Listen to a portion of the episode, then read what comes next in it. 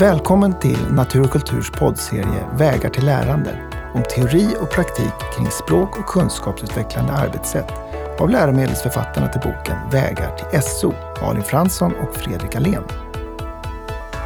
De åtta avsnitten är en del av lärarstödet till boken och vänder sig i första hand till undervisande lärare. Avsnitt 5. Stötta lärande med bilder och modeller. Hej Fredrik! Hej Malin! Idag ska vi prata grann om bilder. Ska vi prata om bilder? Kul! Ja, och jag har med mig fyra bilder till dig. Som Ja. du gärna får titta på. Och jag vill att du dels för lyssnarna förklarar lite vad som är på bilderna och lite hur du tänker att de hänger ihop med varann och om kanske någon av de fyra passar mindre ihop med de andra så ska en bort. Lite Lattjo lådan Ja, jag skulle säga att det, det fick jag genast så här barndomsminnen. Vad kul! Eh, ja, uppe till vänster så finns det ju en bild som jag tänker att det är en liten, ja, det är en, ett barn som håller en röd hink. Kanske kan det vara, kan det vara potatis som är framför det? Ja, det är potatis. Och sen bredvid den, högt upp till höger då, så är det en, en maskin. Skördetröska kanske? Det var rätt begrepp på den maskinen. Jag har ingen, alltså det där är inte min starka kunskapsbas. Men ja, och sen nere till vänster så är det en man, en farbror som står i skogen och hugg, nja, med något ris eller träd eller något. Eh, ja, det är ju jag som planterar gran. Det där är du Malin. Vad roligt! Vad fin du är där. Och sen så har vi längst ner till höger har vi eh, kossor på en väg, på en grusväg. Och ett barn som står och tittar på dem. Ja, och på vilket sätt ska du säga att Mm. tre hör ihop eller? Eh, Ja, det är till exempel tre bilder som eh, inbegriper människor. Två barn och en farbror. Ja. Du? Ja. ja. ja, bra, så tre bilder av människor och en Ja. saknar människa på bild. ja, så skulle det kunna vara. Mm. Finns det något mer? Kan du säga något mer? Så här, Anna, nej men det var fel, fel, fel. Ah, Okej, då skulle man ju kunna säga att eh, tre av bilderna tycker jag har liksom lite levande ting. Jag tycker skogen är lite, den är ju, det är, är sånt där kalhygge. Det ser lite dött ut. De andra tre vittnar ju om liv. Mm. Det kanske var lite väl flummigt det där. Nej, det var väldigt existentialistiskt tänkt så. Man kan ju också tänka att tre är jordbruk Ja, just det. eh, och ett är skogsbruk. Mm. Men då behöver man känna till de begreppen och du kände dig lite skakig redan på skördetröskan. Precis, precis. Mm. Jag tänker också att tre av bilderna visar någon typ av skörd, Ja, ja. Men en visar köttdjur. Just det, just det. Ja, vi ska inte fördjupa oss mer i de här bilderna, men härligt att du tyckte att jag var en äldre man som planterade skog. Så kan det se ut i mars månad när det är kallt i skogen. Ja, jag förstår. Jag förstår. Du, idag ska vi prata om varför det är viktigt med bilder och grafiska modeller. Mm. Vad har du att säga om det? Ja, det är ju, framförallt är det ju roligt. Är det inte det? Eh, det är väl roligt med bilder och modeller. Eh, det vore ju inte så skoj om det var bara text till exempel. Eller att det var lärare som bara stod i undervisning och bara pratade. Det vore inget kul. Eh, och en utgångspunkt är väl det här att vi lär på lite olika sätt och jag tror att, eller min erfarenhet är ju att eh, eftersom vi är olika så behöver vi också erbjuda en variation av input för att vi ska kunna bearbeta information. Så där tror jag att bilder och modeller blir viktiga. Så tänker jag. Mm. Menar du att du kommer tillbaka till det här med olika lärstilar nu? Nej, det, det där har vi ju släppt. Lärstil, Ja. eller hur? Det, Mm. det, det var ju hett för några år sedan. Men nu eh, har vi ju stekt det. Det funkar ju inte. Men vad jag har förstått så det här med lärstilar, huruvida man har liksom en, en elev som är väldigt, lär sig visuellt, en annan auditivt eller någon kinestetiskt. Sådär. Det, det är inte så att vad jag har förstått, nu rättar man mig fel, men det är väl att den här forskningen har visat att det blir svårt att anpassa undervisningen därför att vi lär inte bara på ett sätt och när lärare då ska försöka förhålla sig till det så, så visar det sig att det, det verkar inte ha någon effekt. Så du är mer inne på det här att det behöver vara en variation? Ja, ja men precis. Och då, då, eh, då ska jag väl säga några korta ord om det. Men jag tänkte börja med eh, det här med bilder. Man är, man är ju olika. Trots att vi nu steker forskning om lärstilar så, så konstaterar jag ändå att vi är olika. Jag hade en kort period när jag var runt och föreläste. Eh, och då var det ju mycket med det med powerpoints, kommer jag ihåg.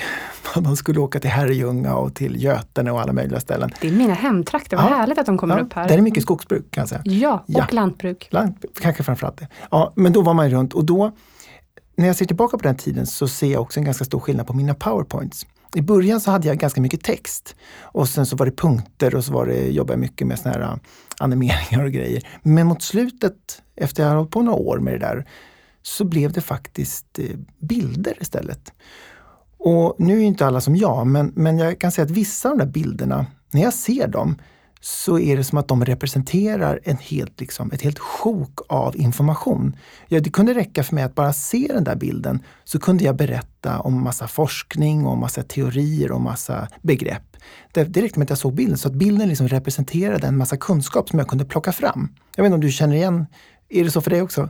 Det har, jag har tvingat mig själv också, på grund av att du pratar om det faktiskt, att göra mer så och det blir det blir som att kunskapen känns som mer som ens egen när man gör på det sättet jämfört med att man blir så textstyrd som föreläsare till exempel. Sen är ju inte alla då åhörare, tänker jag, som kanske gör de kopplingarna som jag gör. Utan den här bilden kan ju vara någonting som hjälper mig att minnas någonting.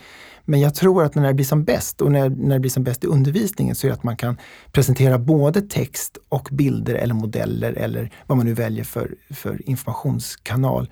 Men som gör att den här kopplingen eh, blir så enkel som möjligt. För det handlar ju trots allt om att elever ska tillgodogöra sig information. Så, känner du till UDL?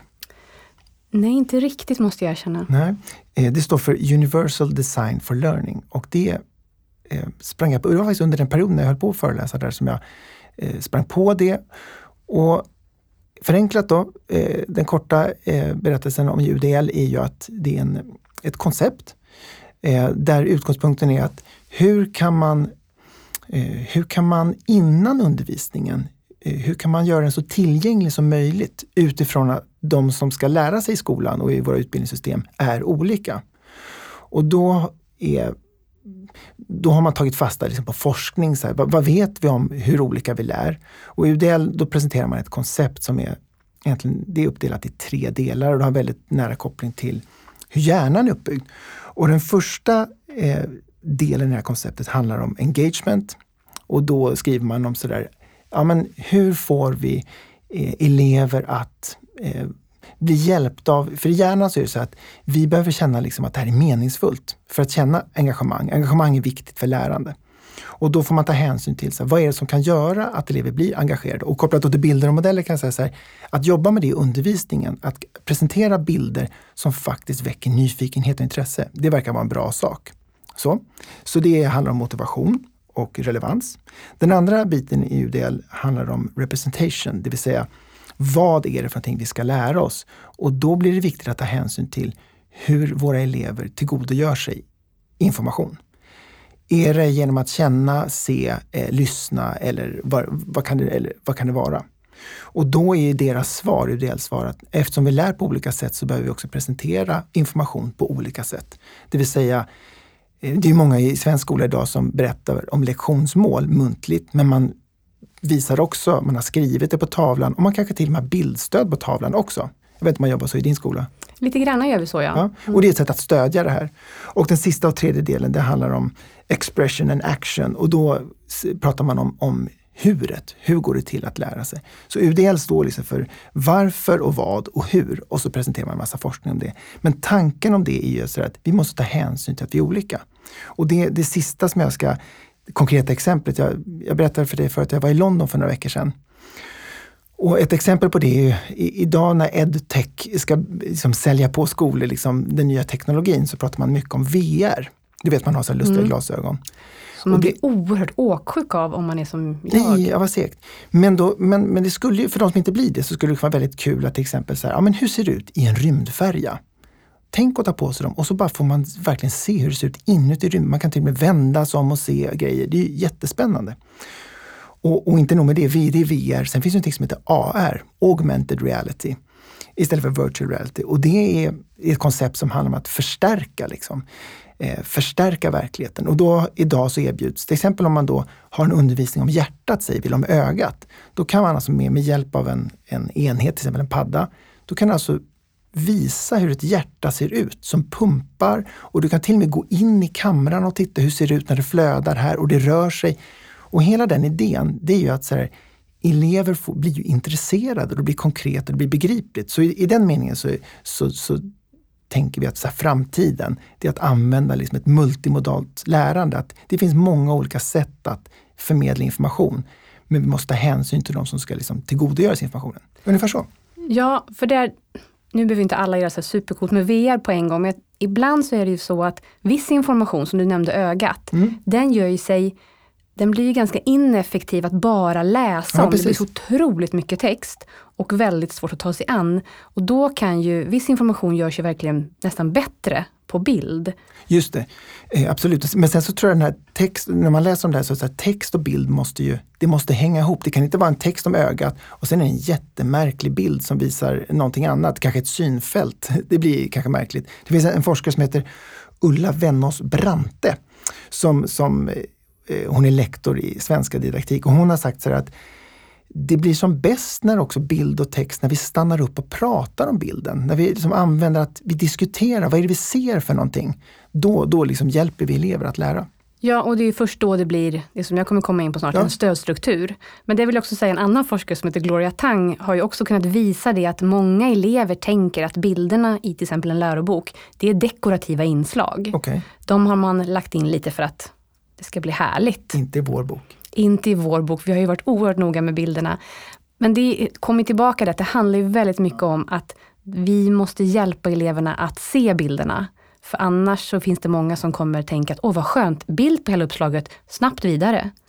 Istället för att vänta, det här uppslaget med den här stora bilden behöver ta ganska mycket tid. För den här bilden har man ju valt ut av en anledning. Men, men du talade om lässtrategier i ett tidigare avsnitt. Kan det inte vara så att vissa elever kommer liksom hugga bilden först? Om det är ett uppdrag, att man tittar på bilden först och sen tar man texten. Medan andra elever kommer ta texten först och titta på bilden sen. Ja, men då behöver man också medvetandegöra eleverna om att, att man kan göra på två olika sätt. Okay. Att det finns två, alltså synliggöra den strategin, mm. att man kan göra på olika sätt. Och ganska ofta pratar man om att man kan behöva göra en bildpromenad med eleverna. Att tillsammans kanske så här beskriva hur du ser på bilden. Var kan bilden vara tagen? Vilka mm. ledtrådar får jag av bilden?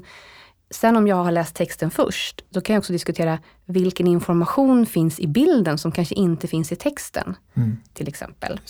Men vad men, tänker du om det här med bilder och modeller? Då? Nej, men jag tänker att det framförallt är, finns ju, det är en slags stödstruktur. Eh, och stödstruktur är, från början är begreppet scaffolding mm. som myntades av Jerome Brunner på 80-talet. Och det har varit ganska mycket, jag tror att de flesta känner till begreppet stöttning eller stödstrukturer. Och det handlar ju om att när eleven ska ta sig an någonting som är kognitivt utmanande, när eleven ska jobba i sin proximala utvecklingszon, Vygotskys teorier där, då behöver man stöttning. Mm. Eh, Vygotsky pratar om imitation och det är väldigt snarlikt det Brunner pratar om när han säger stödstrukturer. Och det kan ibland vara, vi använder till exempel skrivmallar för att eleven ska, eller talmallar, för att eleven ska få hjälp med det språkliga, en språklig stöttning för att ta sig an ett komplext innehåll. Tanken med en stödstruktur så som Brunner förklarade, det är ju att det är som byggnadsställningar och så plockar man bort dem så småningom mm. och då kommer huset, eleven, stå där själv. Det, det är en bra bild tycker jag. Ja, fast nu när vi pratar om bilder och grafiska modeller så är ju det ingenting som vi ska sträva mot att plocka bort.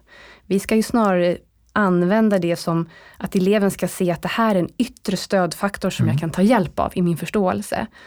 Ehm, och jag tänker, om vi kommer in på grafiska modeller lite ja. mer. För det minns jag själv från när jag gick i skolan, när jag läste de här NOSO-böckerna, att jag bara kände, oj, massa pilar. Eh, jättejobbig del och sen så släppte jag det ganska mycket. Så jag okay. var väldigt textfokuserad. Ja. Och eh, blev väl inte så uppmärksammad på att de här modellerna kan hjälpa dig att tänka i de här processerna. Så vi har ju jobbat ganska mycket med grafiska modeller för att visa för eleven att vissa skeenden är, har liksom en kronologisk process och då kan det bli lättare att tänka på de här processerna om jag kan se en grafisk modell framför mig. Men, men förlåt, men, men visst är det väl ändå så att eh, vissa grafiska modeller är ju inte helt pedagogiska. Och att eh, det är som man läser som forskning så kan det ju vara så att man, man ser en jättemärklig modell som ska beskriva något så superabstrakt förlopp. Det, det fattar man ju liksom inte. Så man, det är inte alltid som det är pedagoger som har gjort de där, tänker jag. Nej, det är det inte. Man kanske måste få träna på också hur man ska liksom, tolka de där bilderna. Ja, och men, om man tänker att målet med en grafisk modell, dels är det för att man vill visa i en text på en process, en, en cyklisk process till exempel, mm. eller orsak och verkan, eh, process. Men sen vill man också att eleven ska kunna skapa egna grafiska modeller för att kunna hänga upp sitt eget tänkande och lärande i ämnet. Eh, för jag har ju ganska många, vi har ju det ekonomiska kretsloppet, det är en väldigt vanlig mm. grafisk modell. Och då är det ju ganska ofta så att eleverna bara fyller i de här pilarna. Mm. Man behöver prata och jobba rätt mycket med grafiska modeller. Eller hur? Mm. Ja men vad bra, men vad har vi kommit fram till då Malin? Men det centrala idag har väl varit att bilder och grafiska modeller fyller en väldigt viktig funktion när man tar sig an text eller när man tar sig an stoff. Just det, och det kan vara liksom en, en, en källa till kunskap, eller hur? Ja, men också någonting som man behöver jobba med för mm. att förstå och kunna tolka. Du, vad ska vi prata om nästa avsnitt? Ja, men nästa avsnitt, då är det ju bra eller dåliga uppgifter. Låt oss hoppas på att vi inte har gjort för många dåliga. Eller hur? Ha det bra. Hej. Hej.